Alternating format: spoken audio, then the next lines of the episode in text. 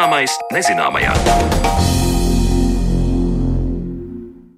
Esiet sveicināti raidījumā Zināmais nezināmajā studijā Sandra Kropa. Šodien raidījumā runāsim par nāvi, par to, kā laika gaitā mainījusies izpratne par to. Raidījuma pirmajā daļā pievērsīsimies tam, kādus jaunus stāstus par nāvi un bērnu rituāliem mums sniedz folkloras materiāli, taču raidījuma otrajā daļā pievērsīsimies nāvis un novecošanās antropoloģijai. Egli bērēs izmantoja gan zārka gatavošanai, gan istabas pušķošanai, gan bērnieku iepēršanai.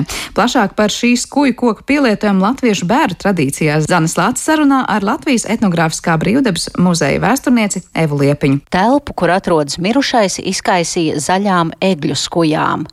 Lestenē, nakti pirms bērēm, Mironi atnes uz istabu. Visi piederīgie sanāca, sēdēja pie galda un dziedāja dieva dziesmas, zārku nopušķoja eglītēm. Gan šo, gan citus ticējumus pētot bēru tradīcijas Latvijā, ir atradusi mana sarunu biedrene Latvijas etnogrāfiskā brīvdabas muzeja vēsturniece Eva Liepiņa. Egle ir tas koks, kuru visbiežāk lietoja gan praktiskos, gan simboliskos nolūkos. Gan kāzās, gan kristībās, gan bērēs egli izmantoja dažādās rituālās un praktiskās darbībās. Eva Liepiņa teica, ka senatnē parasti izmantoja tos materiālus, kas bija viegli pieejami un noderīgi saimniecībā. Tāpēc loģisks ir bijis Evas secinājums, ka bieži vien pēdējās mūža mājas un krustu gatavoja no egles koka. Turpinājumā Eva Liepiņa stāsta jau par citām bēru tradīcijām, kad mūsu senči ir izmantojuši minēto koku. Egle ir šī mūždaļā īpašība, līdz ar to cilvēki jau senetnē no vienas puses no eglis tā it kā baidījās. Bet no otras puses, viņi, viņi turēja sev tuvu klāt šajās tradīcijās, jo viņi bija tā kā pildīja arī to aizsargu funkciju. Un līdz ar to tas ļoti, ļoti interesanti. Arī šī mītiskā un mistiskā eglis mūžā īpašība vienmēr saistījusi un interesējusi cilvēkus. Skatot uz bērnu tradīcijām, Vēl ar vienu mūsdienās, tad, kad mirušo kad zārku nes ārā vai, nu, vai nu no mājas, vai nu visbiežāk no kapliča, tur arī ir noliktas divas eglis. Piemēram, šīs divas eglis, es to varētu arī skatīt kā, piemēram, kā pārēju. Jo šo ceļu nosprauda reglītēm gan kāzu tradīcijās, gan bērnu tradīcijās. Pirmkārt, viens no tādiem tā kā, aspektiem ir tas, ka tas ir aizsarga funkcija paliekošiem radiniekiem, jo tā bija tā tāda aizsardzība par to, ka mirušais nenāks atpakaļ. Bet no otras puses, šis ceļš izpraustais bija tā kā rādījums, kā ceļš, kur aiziet šim aizgājējiem, nu, lai viņam palīdzētu, vieglāk būtu atrast ceļu Šīs divas eglītes, tie arī ir savā ziņā tādi kā pārejas vārti. No vienas puses šī aizsardzība, kad mirējis nenāks atpakaļ, bet no otras puses uh, viņš ir pavadīts tajā savā nākamajā pasaulē, un tad, tad tas ir tas, tāda kā robeža, tā varētu teikt. Šī eglīšu ceļa izveidošana ir līdzīga arī skuju ceļa izveidošana. Arī ceļu noskaisījies skujām. Skujas nozīmē to, ka tie ir nevis izlasītas skujas, bet uh, sakapētas skujas kas arī pildīja šo līdzīgu funkciju. Un, šis egļu un skuju ceļš minams kā ceļa iezīmēšana aizgājējiem un aizsardzības funkcija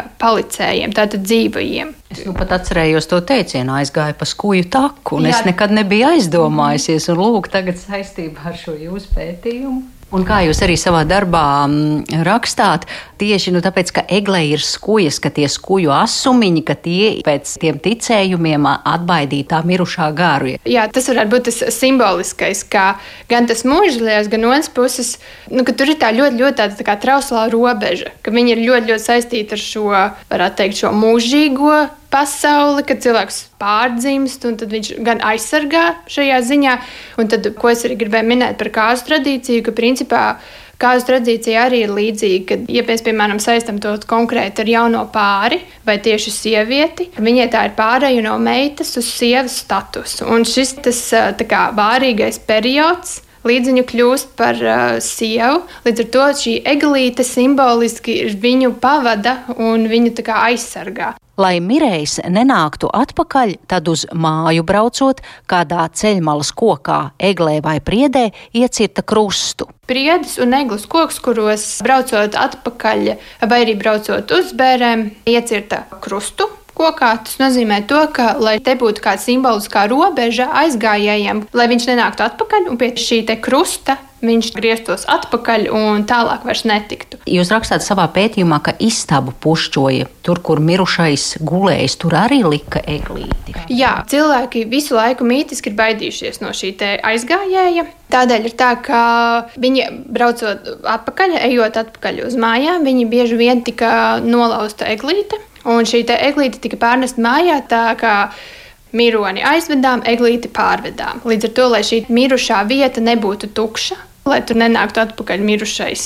Simboliski tika nolikta eglīte aizgājēji gultā visbiežāk, vai arī, jo, piemēram, arī galda noformējumā, manuprāt, tas ir līdz mūsdienām arī ļoti bieži vēl, protams, saglabājies, ka liekas kujas šķīvī. Kāds tur tas skaidrojums? Ka... Tas no vienas puses ir gan kā norāda, lai kāds cits neapsēžās, jo tā ir tā mirušā vieta, un tas nebūtu labi, ja kāds iesaistos. No otras puses, tas norāda, jā, ka šī vieta nav tukša, un no otras puses, tas, lai viņš neatgrieztos. Jo bija tāda doma, ka tajā pašā dienā tas mirušais eh, vēl joprojām līdz 12. staigā apkārt, un viņam ir vajadzīga šī vieta. Bēru galds tiek pušķots svecēm, kurām blakus pie luktura tiek piesietas zaļas skuiņas. Aizgājējam tika nolikts šķīvis, glāzes un citi trauki. Šķīvī krusteniski egļu zariņi, lai cits nepiesēstos. Ja mēs runājam par pušķošanu, tad arī pušķošana mm, no vienas puses egla tika pielietot tādēļ, ka viņa bija gan ziemā, gan vasarā.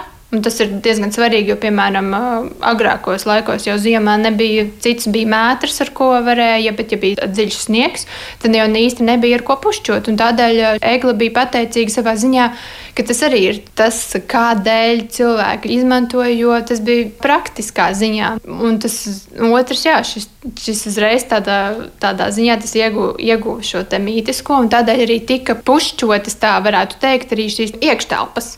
Nu, un arī līdzīgi ir tas, ka bieži vien tika arī ir minēts, ka tika aizlaustas galotnītes. Šī ir atšķirība starp kāzām un bērēm. Tādēļ, ka nu, kāzās galvenais bija svarīgi, lai galotne ir uz augšu, un tad bērēs bieži vien tās galotnītes tika aizlaustas, nu, kad mirušais ir kā, aizgājis. Un, manuprāt, te arī ir diezgan daudz arī ar mūsdienām saistīts. Jo, piemēram, ir tas, ka eglītes nerada tikai arī pušķotas gan kāzās, gan bērēs. Tad šīs pušķotās eglītes, viņas pēc tam Svarīgi bija vai nu mirušajiem dot līdzi, tas ir kapā, vai no otras puses, otra lieta bija tāda, ka viņus vajadzēja sadedzināt. Tas nozīmē, to, ka pēc iespējas ātrāk vajadzēja tikt vaļā no šīm lietām, gan no mirušā mantas. Viņas dedzināja kopā ar mirušā mantām. Tas arī nozīmē, to, ka tas uh, sasaistās ar to, ka cilvēku no kapiem neko nevēlas nest līdzi, nu viss paliek šeit.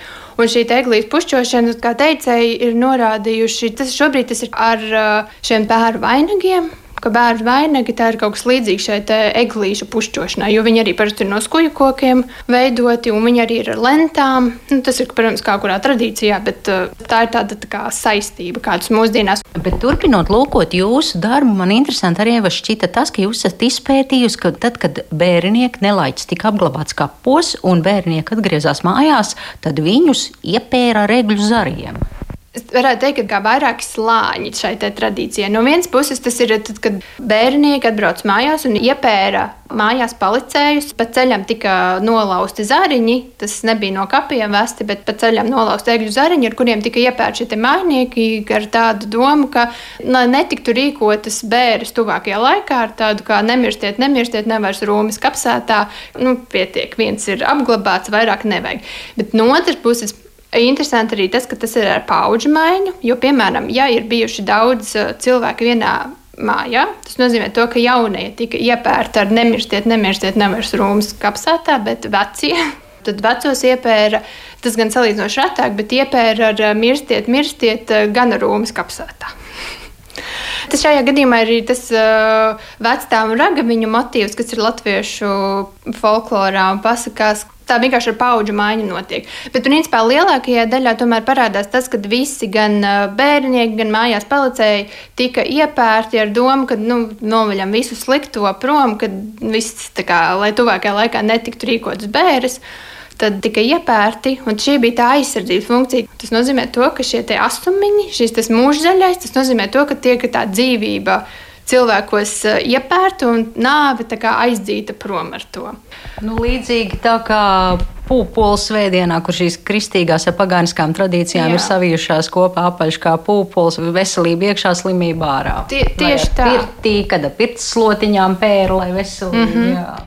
Nenāca vairs tumāmiņa uz bērniem ciemoties, lai aizauga tavi ceļi ar priedēm, ar eglēm.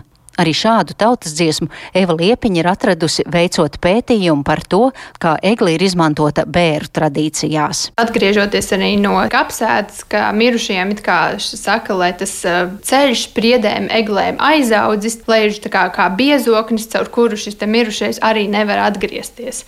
Norāda, ka lai ir šī robeža, ka viņš netiek cauri šim biezoknim. Par eglis pielietojumu un šī koka nozīmi bērēs stāstīja Latvijas etnogrāfiskā brīvdabas muzeja vēsturniece Eva Liepiņa, un ar viņu tikās Zane Lāce. Bet raidījuma turpinājumā parunāsim par to, kas tad īsti ir eh, nāves un novecošanās antropoloģija.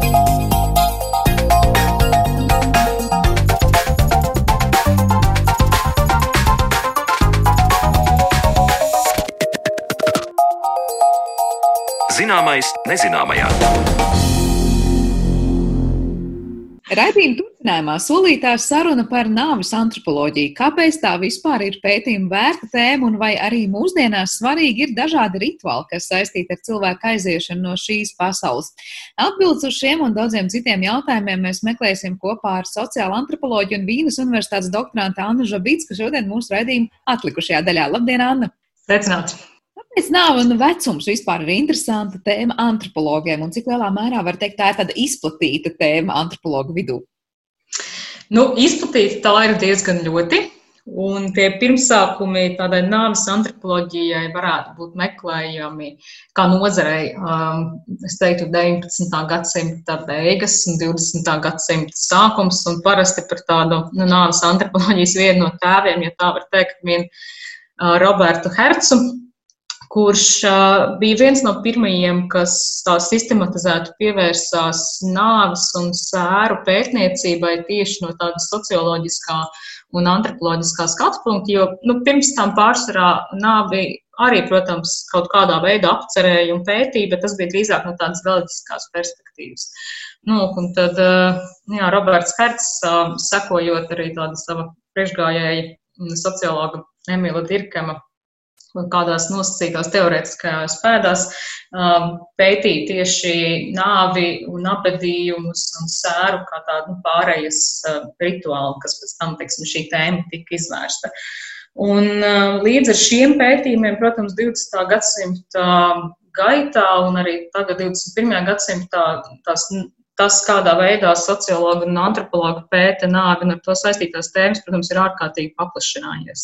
Ja sākumā tas tiešām bija tikai vienīgi pārsvarā par un ap uh, rituāliem un apbedījumiem, tad vēlāk jau pievērsās arī tieši sēru konceptam. Un, protams, ka sērs tika pētīts arī no kolēģiem uh, psiholoģijā, piemēram, un, un psihoterapijā un arī medicīnā.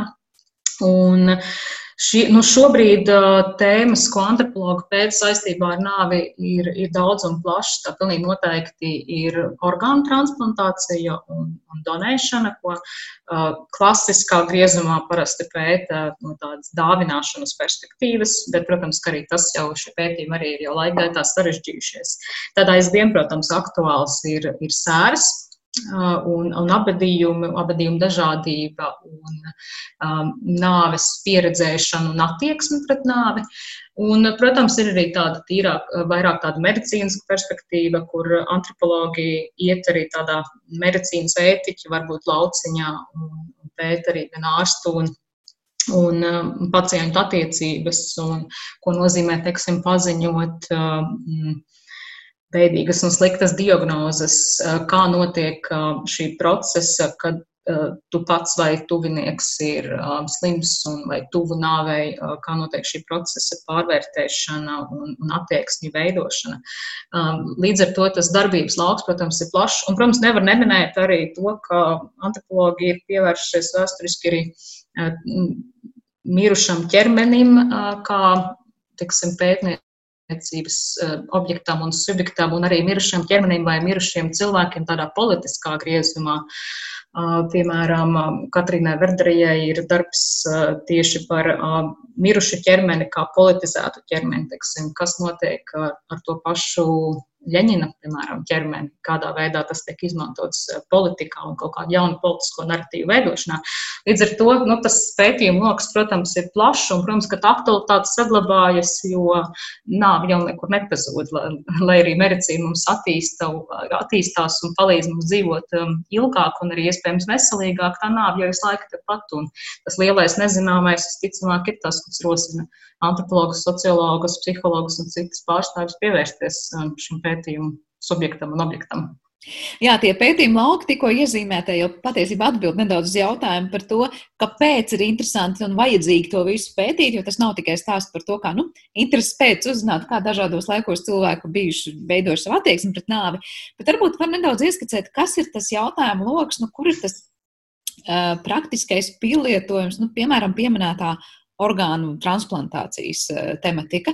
Vai sociālam antropologam ir svarīgi saprast, kā tad labāk pēc tam tam ārstam runāt ar, ar piedarīgajiem, vai kā veicināt sabiedrībā izpratni par to, ka iespējams uh, ziedot savus orgānus pēc nāves kādam citam ir pieņemami un, un apsveicami, vai nu, ir kaut kādas tādas konkrētas vadlīnijas, ko gribas sasniegt? Es nevaru atbildēt visu antropologu vārdā, kas, protams, pēta uh, orgānu transplantāciju un to, kādā veidā teiksim, cilvēki nonāk līdz šim lēmumam. Bet es domāju, ka noteikti tie pētījumi, e, kas ir 20. gadsimta beigās un arī turpina būt par un ap orgānu transplantāciju un donēšanu, var sniegt mums atbildes kā teiksim, nu, attiekties pret to, vai teiksim, arī Latvijas gadījumā, kur cilvēku, cilvēki diezgan maz izvēlas apzināti Eh, ziedot sevi un savus orgānus pēc nāves.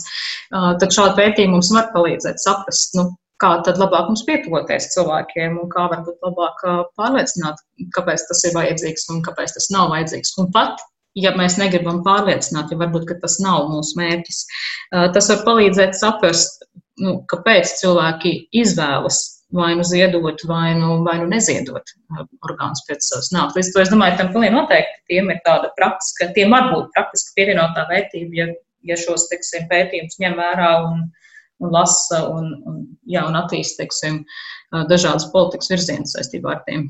Tā kā vairāk tos cēloņus tas palīdz saprast un domāšanas, varbūt, kur, kur sakņojas tās, tās idejas vai pārliecības. Kas šobrīd ir uh, tu pašai pētījumu lauks šajā kontekstā? Man pašai šobrīd pētījuma lauks nav tieši saistīts ar, ar nāvi un miršanu. Man ir ar novecošanu un ar aprūpi un rūpēm. Un es šobrīd tieši atrodos tādā pētījuma laukā un es pētu tādā pašā pētījuma stadijā, sākuma stadijā gan esmu, bet pēt novecošanos un aprūpas prakses um, Latvijas laukos un konkrētāk tieši um, pansionātā un arī kā, teiksim, pansionāts, um, kāda ir pansionāta nozīme konkrētajā um, laika telpā, teiksim tā.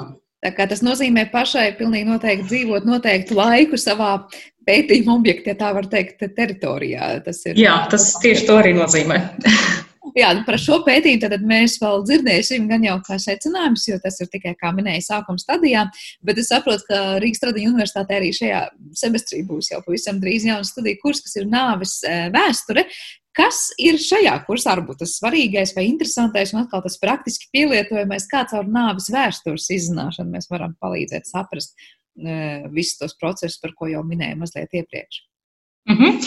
Es varbūt uz sākuma pakomentēšu, ka tas nosaukums nāves vēsture ir vienkārši nu, vēsturiski saglabājies, tā, no laika, kad uh, to docēja uh, cits pasniedzējs, pie kura es pati mācījos savulaik. Um, Un šobrīd es to drīzāk saucu jā, par nāves un miršanas antropoloģiju, ja tā varētu teikt. Nu, šī kursa mērķis ir pilnīgi noteikti izvērst diskusiju par nāves sociālajiem, kultūrālajiem, taiskaitā arī vēsturiskajiem, nētiskajiem aspektiem atšķirīgās kultūra telpās un, protams, atšķirīgos arī laika posmos. Un, attiecīgi, mēs diskutēsim par nāves nozīmību sabiedrībā, atšķirīgiem mainīgiem sērošanas, apēdīšanas rituāliem, piemiņu, to pašu orgānu transplantāciju un daudziem citiem saistītiem jautājumiem. Un tad, nu, tās tēmas, ko es, mēs plān, es plānoju aptvert, protams, nu, lielā termiņa baila no nāves un nemirstība, un kā varbūt tas ir ietekmējis dažādas pētījumus šajā jomā. Nāve un um, sēras, nāve un politika. Uh, un, protams, pieskarsimies arī nāvei medicīnā, medicīniskiem un ētiskiem aspektiem. Tā kā, ja kādam ir interese, iespējams, ko paspēt pieteikties, es īsti nezinu. Nāve un politika, tas ir tas pats eh, konteksts, ko pirms tam pieminēja Ļeņina kausē, ka eh, tajā līmenī, vai, vai tomēr tas ir nāve un politika daudz plašāks uh, pētījumu lokus un kā tas tiek izmantot savstarpēji? Jā, um, nu, manā skatījumā noteikti tas ir plašāks. Uh, tas par Leņķinu, teiksim, ir viens, viens labs piemērs. Jā, vai, teiksim, liekas, ka šobrīd mēs labi varam redzēt arī nāves un politikas um, pārklāšanos, kad ir jautājumi par pieminekļu um, nozīmību dažādās vietās, vai uh, kuriem mirušiem cilvēkiem ir uzcelti pieminekļi, kādā uh, vēsturiskajā kontekstā tie ir celti, kādā uh, diskursā tīri celti, un lai teiksim, tiem ir vieta atrasties arī nu, teiksim, tagadnē, ja, kur tad mījās pagātnes kaut kādas vērtības kopā ar tagadnes, un tad ir šis cilvēks, kur sen jau vairs nav starp dzīvajiem, bet uh, viņam ir uzcelts piemineklis, un tad viņš kaut kādā veidā ir simbols uh, kādām konkrētām vērtībām.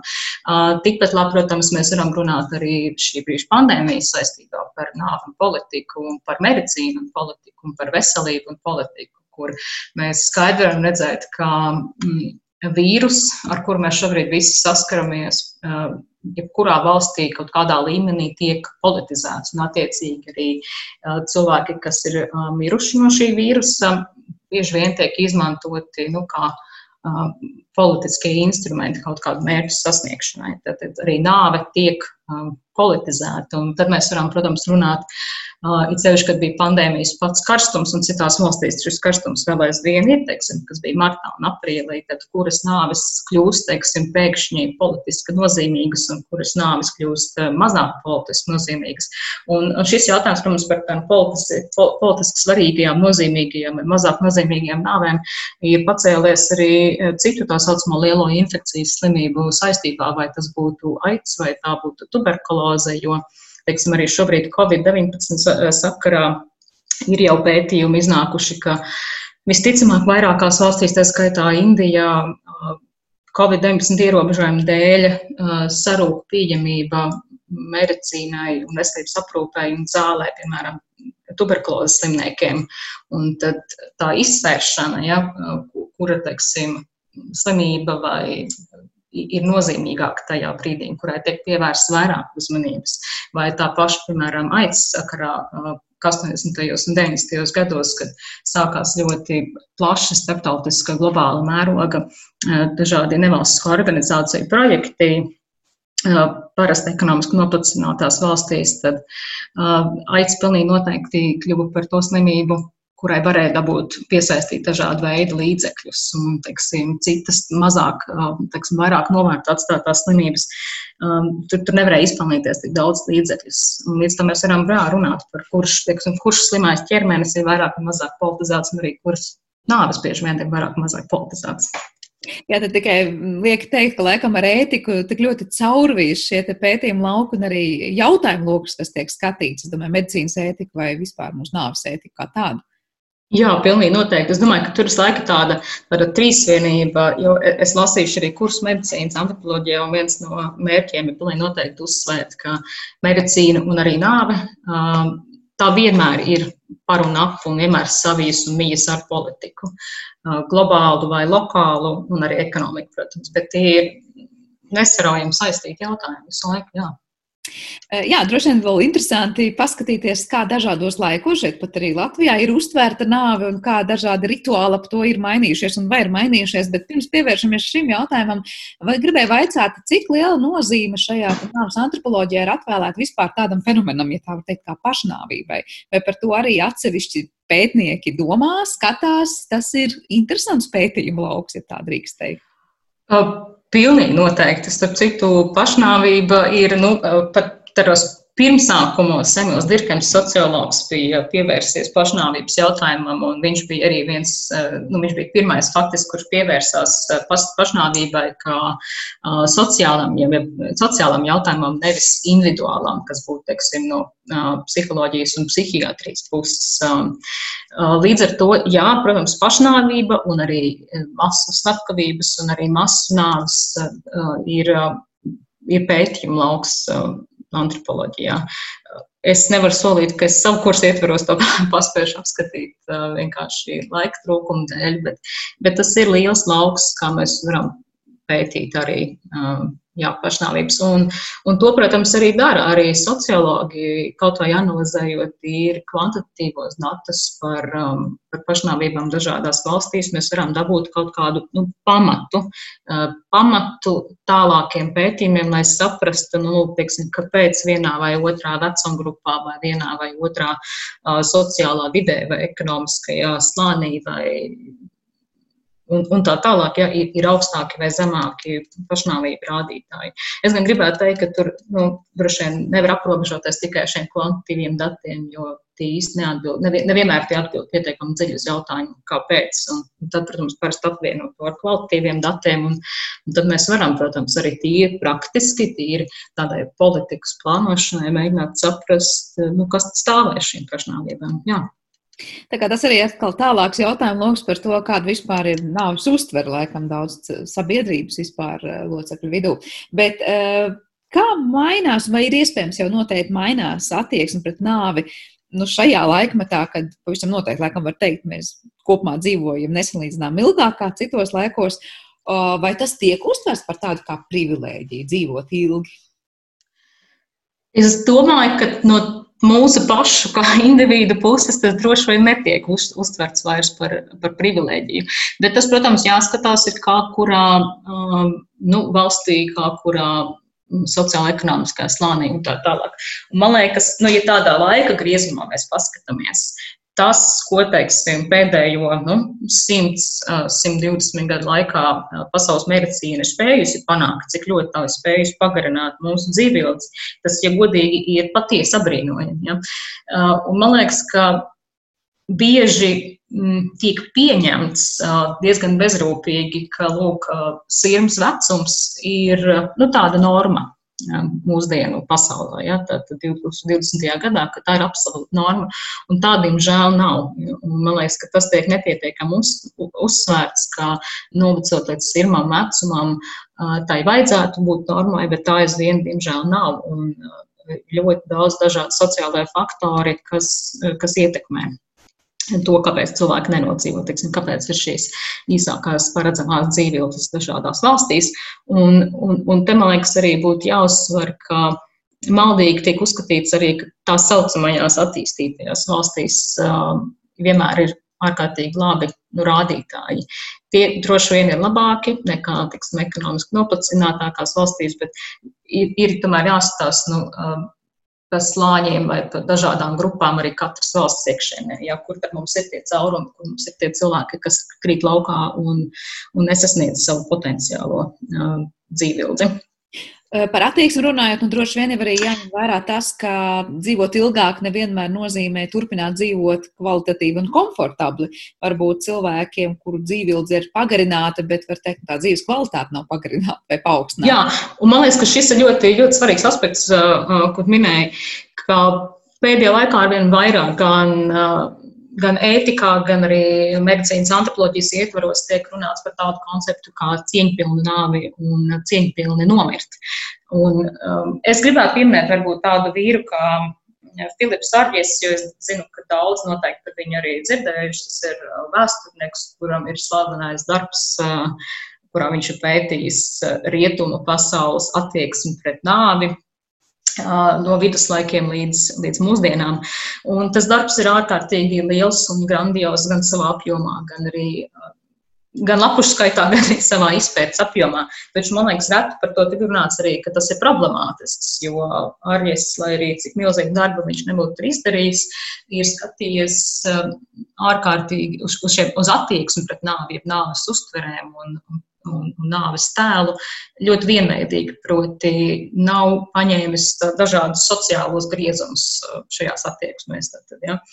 Mēs uzzinām, teiksim, kā varbūt nezinu, galma ļaudis vai turīgie ļaudis ir attiekušies pret nāvi, bet mēs neuzzinām, um, ko tas nozīmē dažādiem slāņiem, dažādās kultūra telpās, tā skaitā Eiropa jau arī gluži nav viena kultūra telpa, ja tur ir daudz dažādas. Tātad tur pietrūkst šī kultūra, kultūra un arī sociālā griezuma. Bet es viņu minu tāpēc, ka tātad viņš bija aprakstījis, um, nu, ka pēdējie 120 gadi, sākot no 20. gadsimta darbs ir top 70. gados, tātad līdz 70. gadiem viņš to sauc par neredzamo nāvi. Proti, ka um, nāve kļūst tik ļoti medikalizēta, ka tā ir pazudusi no mūsu acīm un ka cilvēki arvien vairāk izvēlas nu, ignorēt kaut kādā veidā nāvi apzināti. Ka, pirmkārt, tā ir medicalizēta, otrkārt, tā ir ļoti profesionalizēta. Proti, kā agrāk radiniekus nu, raka vien paši, tad tagad uh, mēs to, šo pakalpojumu varam saņemt, uh, samaksājot attiecīgu summu, ka uh, cilvēki agrāk nomira mājās, bet tagad nomirst um, slimnīcās vieni paši. Un, protams, ka daļai tam visam var, var piekrist, ka nāve vairs nav tik tuva varbūt un tik redzama, kā tas bija iepriekšējos uh, simtos. Bet, manuprāt, tam, tomēr šim darbam stipri vien pietrūkst um, detalizētības. Un kaut kādā ziņā man šis darbs liekas um, arī skaists un apjomīgs, arī drusku. Nu, slings, viņam ir savi trūkumi, tātad, ka nav šie sociālai un kultūrālie griezumi. Un es teiksim, negribētu. Es zinu, ka šis uzskats par to, ka arī ka aizvien turpinās neredzamās nāves laikmets, um, tiek nu, bieži vien to var dzirdēt, ka to aizvien attiecina uz mūsdienām. Es tam īsti negribētu piekrist. Um, un, manuprāt, tas koncepts par šo cīņpilno nāvi, par ko ar vien vairāk pēta un par ko vien vairāk aģitē uh, arī politiku veidotāji un arī paši ārsti, ir kaut kas, ir tāds virziens, kurām ir vērts ieskatīties arī no humanitāro un sociālo zinātņu puses. Jā, tur nevelti ar cilvēku sociālo dabu. Nu, visciešākā saikne man savukārt klausoties tajā visā atausa atmiņā, visas šīs diskusijas, kas uzvirmo par eitanāziju un ar to saistītiem jautājumiem. Es pieņemu, ka tieši nāves antropoloģija iet roku rokā ar šīm diskusijām un arī uh, to, kurā brīdī cieņpilni ļaut nomirt cilvēkam. Jā, protams. Uh, uh tas ir būtisks jautājums, un, un, un šajos jautājumus pēta gan, gan filozofi, tātad ētikas speciālisti, gan arī antropologi dažādos griezumos. Un, protams, ka mēs varam kā, nu, jautāt, kādā mēs varam definēt nu, cieņpilnu nāvi. Un, protams, ka to nu, definēt tādā vienā teikumā būtu ļoti grūti, jo tā cieņpilnā nāve, vai ko nozīmē cieņpilna nomirt, droši vien katram cilvēkam ir drusku citādāk izpratne, kas, protams, ir e, kultūra un laika un sociālo faktoru ietekmēta, bet tikai katrs pats sev var definēt, ko viņam nozīmē cieņpilni nomirt un kā, kādu tad nāvi, ja vispār pastāv šāda privilēģija, kā izvēlēties uh, konkrētos apstākļos, tad kādu nāvi viņš vēlētos. Ja mēs runājam par to, kā mainās laika gaitā vispār nāves uztvere un attieksme pret to, nu, man prātā nāk atkal, nezinu, vecāku gadagājumu cilvēku stāsti par to, kā savulaik vecstāvam vai vecai mātei bēniņo zārks ir stāvējis pusi no mūža, eh, vai arī kādu tiešām nu, jau tādu literāru darbu ainas. Uh, ir kādi interesanti secinājumi pētnieku acīm skatoties. Nu, šobrīd grūti iedomāties, ka kādam bēniņam stāvētu zārks pusi no dzīves. Uh, var teikt, ka agrāk cilvēki kaut kā vairāk gaidīja to nāvi vai vairāk tai gatavojās? Tas ir ļoti labs jautājums un arī ļoti sarežģīts jautājums.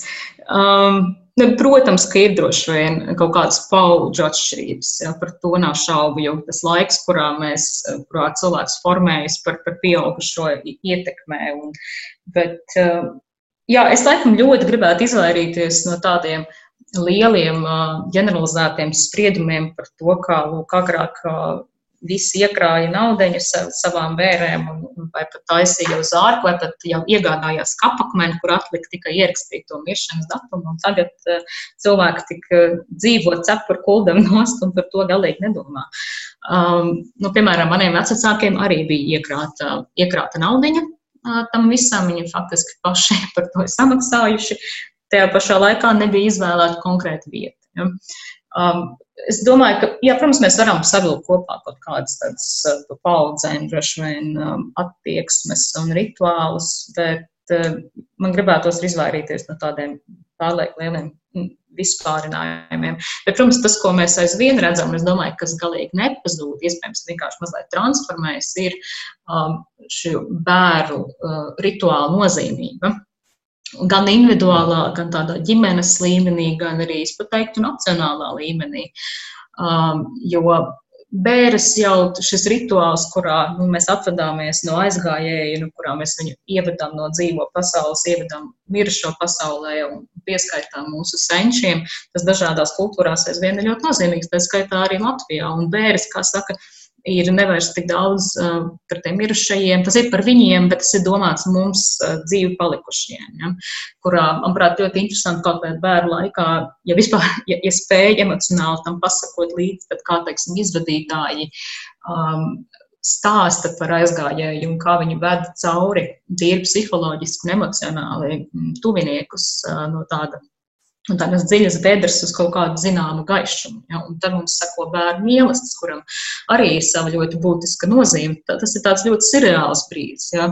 Um, tu esi noraudājies, visticamāk, un, un visai izmisis pie, pie zārka un, un, un kapos, un tad nonāc šajā seriālajā mīlestībā, kas it kā ir par svētkiem, kurā mēs svinām, mēs svinām šī cilvēka aizgājušā dzīvi. Uh, Līdz tam liekas, ir interesanti redzēt, kā tās nu, tradīcijas, tas rituāls ir nepieciešams. Es gribētu uzsvērt. Nevelti viņš aizvien pastāv. Un, man liekas, tā kapsēta tradīcija, kas mums Latvijā ir, ir tiešām visnotaļ grandioza nacionāla īpatnība, ja tā varētu teikt. Ja, piemēram, mans kolēģis, labs draugs, viņš nevienu gadu neizlaiž alūksnes kapsētas, kas ir, ja nemaldos, lielākie Latvijā un ārkārtīgi nozīmīgi, kur no dienu mījās gan tā sanākšana kopā, gan it kā arī to mirušo cilvēku pieminēšana, bet tajā pašā laikā tas mīs arī ar, ar dzīves un attiecību svinēšanu. Ja, līdz ar to tas mirušais cilvēks vienā brīdī no tāda varbūt bieda un bailēm kļūst par tādu dabisku dzīves sastāvdaļu, arī kultūra nacionālā līmenī. Jā, bieži izskan šeit apgalvojumi, ka Latvijā mums ir nu, ne ne tā kā citur, tik daudz šī gan kapu kultūra, gan kapu svētku kultūra, gan brīžiem pat specializēti izdevumi preses, kas ir tieši par kapiem un to kopšanu. Tāpēc, ka, ka mēs pārāk daudz dzīvojam, varbūt tā kā pagātnē vai par to miršanu domājam, vai varētu būt iemesls, ka tas patiesībā tā visa kopā sanākšana ir par to attiecību svinēšanu, ko tikko minēju. Es domāju, ka jā, es domāju, ka kapu svētki un arī svecīšu vakari un kapu kopiņa kopšana ir uh, drīzāk par attiecību uzturēšanu. Tas nav par uh, nezinu, nāves pielūgšana vai kaut kādām pārlieku nāves bailēm. Tas, protams, tur ik pa laikam droši vien uzspēlē, bet es domāju, tas ir par attiecību veidošanu un uzturēšanu. Vēl man ir tāda, uh, smējos teorija, tāpēc, ka tā nav nekur pamatot, bet man intuīcija saka, ka uh, tā kapu kopiņu uzturēšana ir, ir sava veida tāds mazdārziņu projekts, ka cilvēkiem už vienkārši patīk rūpēties un kopt un ņemties pa zemi. Uh, Un tas ir tāds mazdārziņš, un tāpēc cilvēki iet un, un turpina to darīt. Lai gan mēs varam redzēt, ka arvien vairāk ienāk, protams, um, arī kremēšana kā, kā iespēja un kā opcija, ko cilvēki izvēlas. Tā kā tas, es pieņemu, arī sociāla antropologiem un nāves antropologiem ir interesants fenomens, ko pētīt un kam pievērsties. Noslēdz... Jā, pilnīgi noteikti. Mhm. Noslēdzošais jautājums no manas puses šajā sarunā. Eh, tad tu minēji, ka mēs joprojām piekopjam šos rituālus. Var teikt, ka no 21. gadsimta cilvēkam pavisam noteikti ir tikpat būtiski šie nāves rituāli, kā tas ir bijis citos laikos, vai mēs vienkārši pārņemam, nedomājot, un tā ir tāda nu, vienkārši kaut kāds ieradums, tradīcija. Jo liekas, nu kā tad citādāk bēres, ja, ja ne tā kā ir ierasts par tām runāt un tās izvērst. Vai tomēr tie rituāli 21. gadsimta cilvēkam ir tikpat būtiski, kā tas ir bijis agrākos laikos? Es domāju, gan, gan. Pilnīgi noteikti, ir kaut kādas lietas, ko mēs, nu, savā ziņā automātiski pārņemam. Bet iedomāties, ka mums nav svarīgi rituāli, būtu, manuprāt, absolūti, absolūti muļķīgi. Nu, to pierāda pats fakts, ka cilvēki grib svinēt kārtas, un uh, cilvēki svin um, un, un atzīmē un atcerās, nezinu, augstskolu pabeigšanas, un bērnu piedzimšanas un kristīšanas, un arī, protams, uh, nāves gada dienas. Um, mēs jau neesam nu, tā konceptuāli tik ļoti daudz atšķirīgi. Uh, Šajā ziņā, kā cilvēki, kas droši vien dzīvoja pirms uh, simts gadiem. Um, šie rituāli ir um, tā ir pārēja. Un, un katrs šāds notikums, vienalga vai cilvēku piedzimšana vai cilvēku no, nomiršana mūsu dzīves laikā, tas mūs izmaina.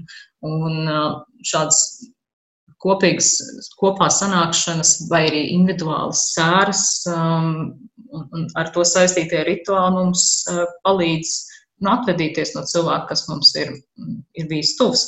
Līdz to tie rituāli ir, viņi, viņi jau netiek uzturēti mākslīgi, viņi dabiski notiek. Un viņi notiek tāpēc, ka acīm redzot, teiksim, cilvēku zaudējot, tas mums palīdz samierināties ar, ar konkrēto stāvokli, ar konkrēto situāciju un kaut kā pamazām sagrupēties un savākties gan individuāli, gan arī kā tādai mazai kopieniņai, savākties atkal kopā un dzīvot tālāk.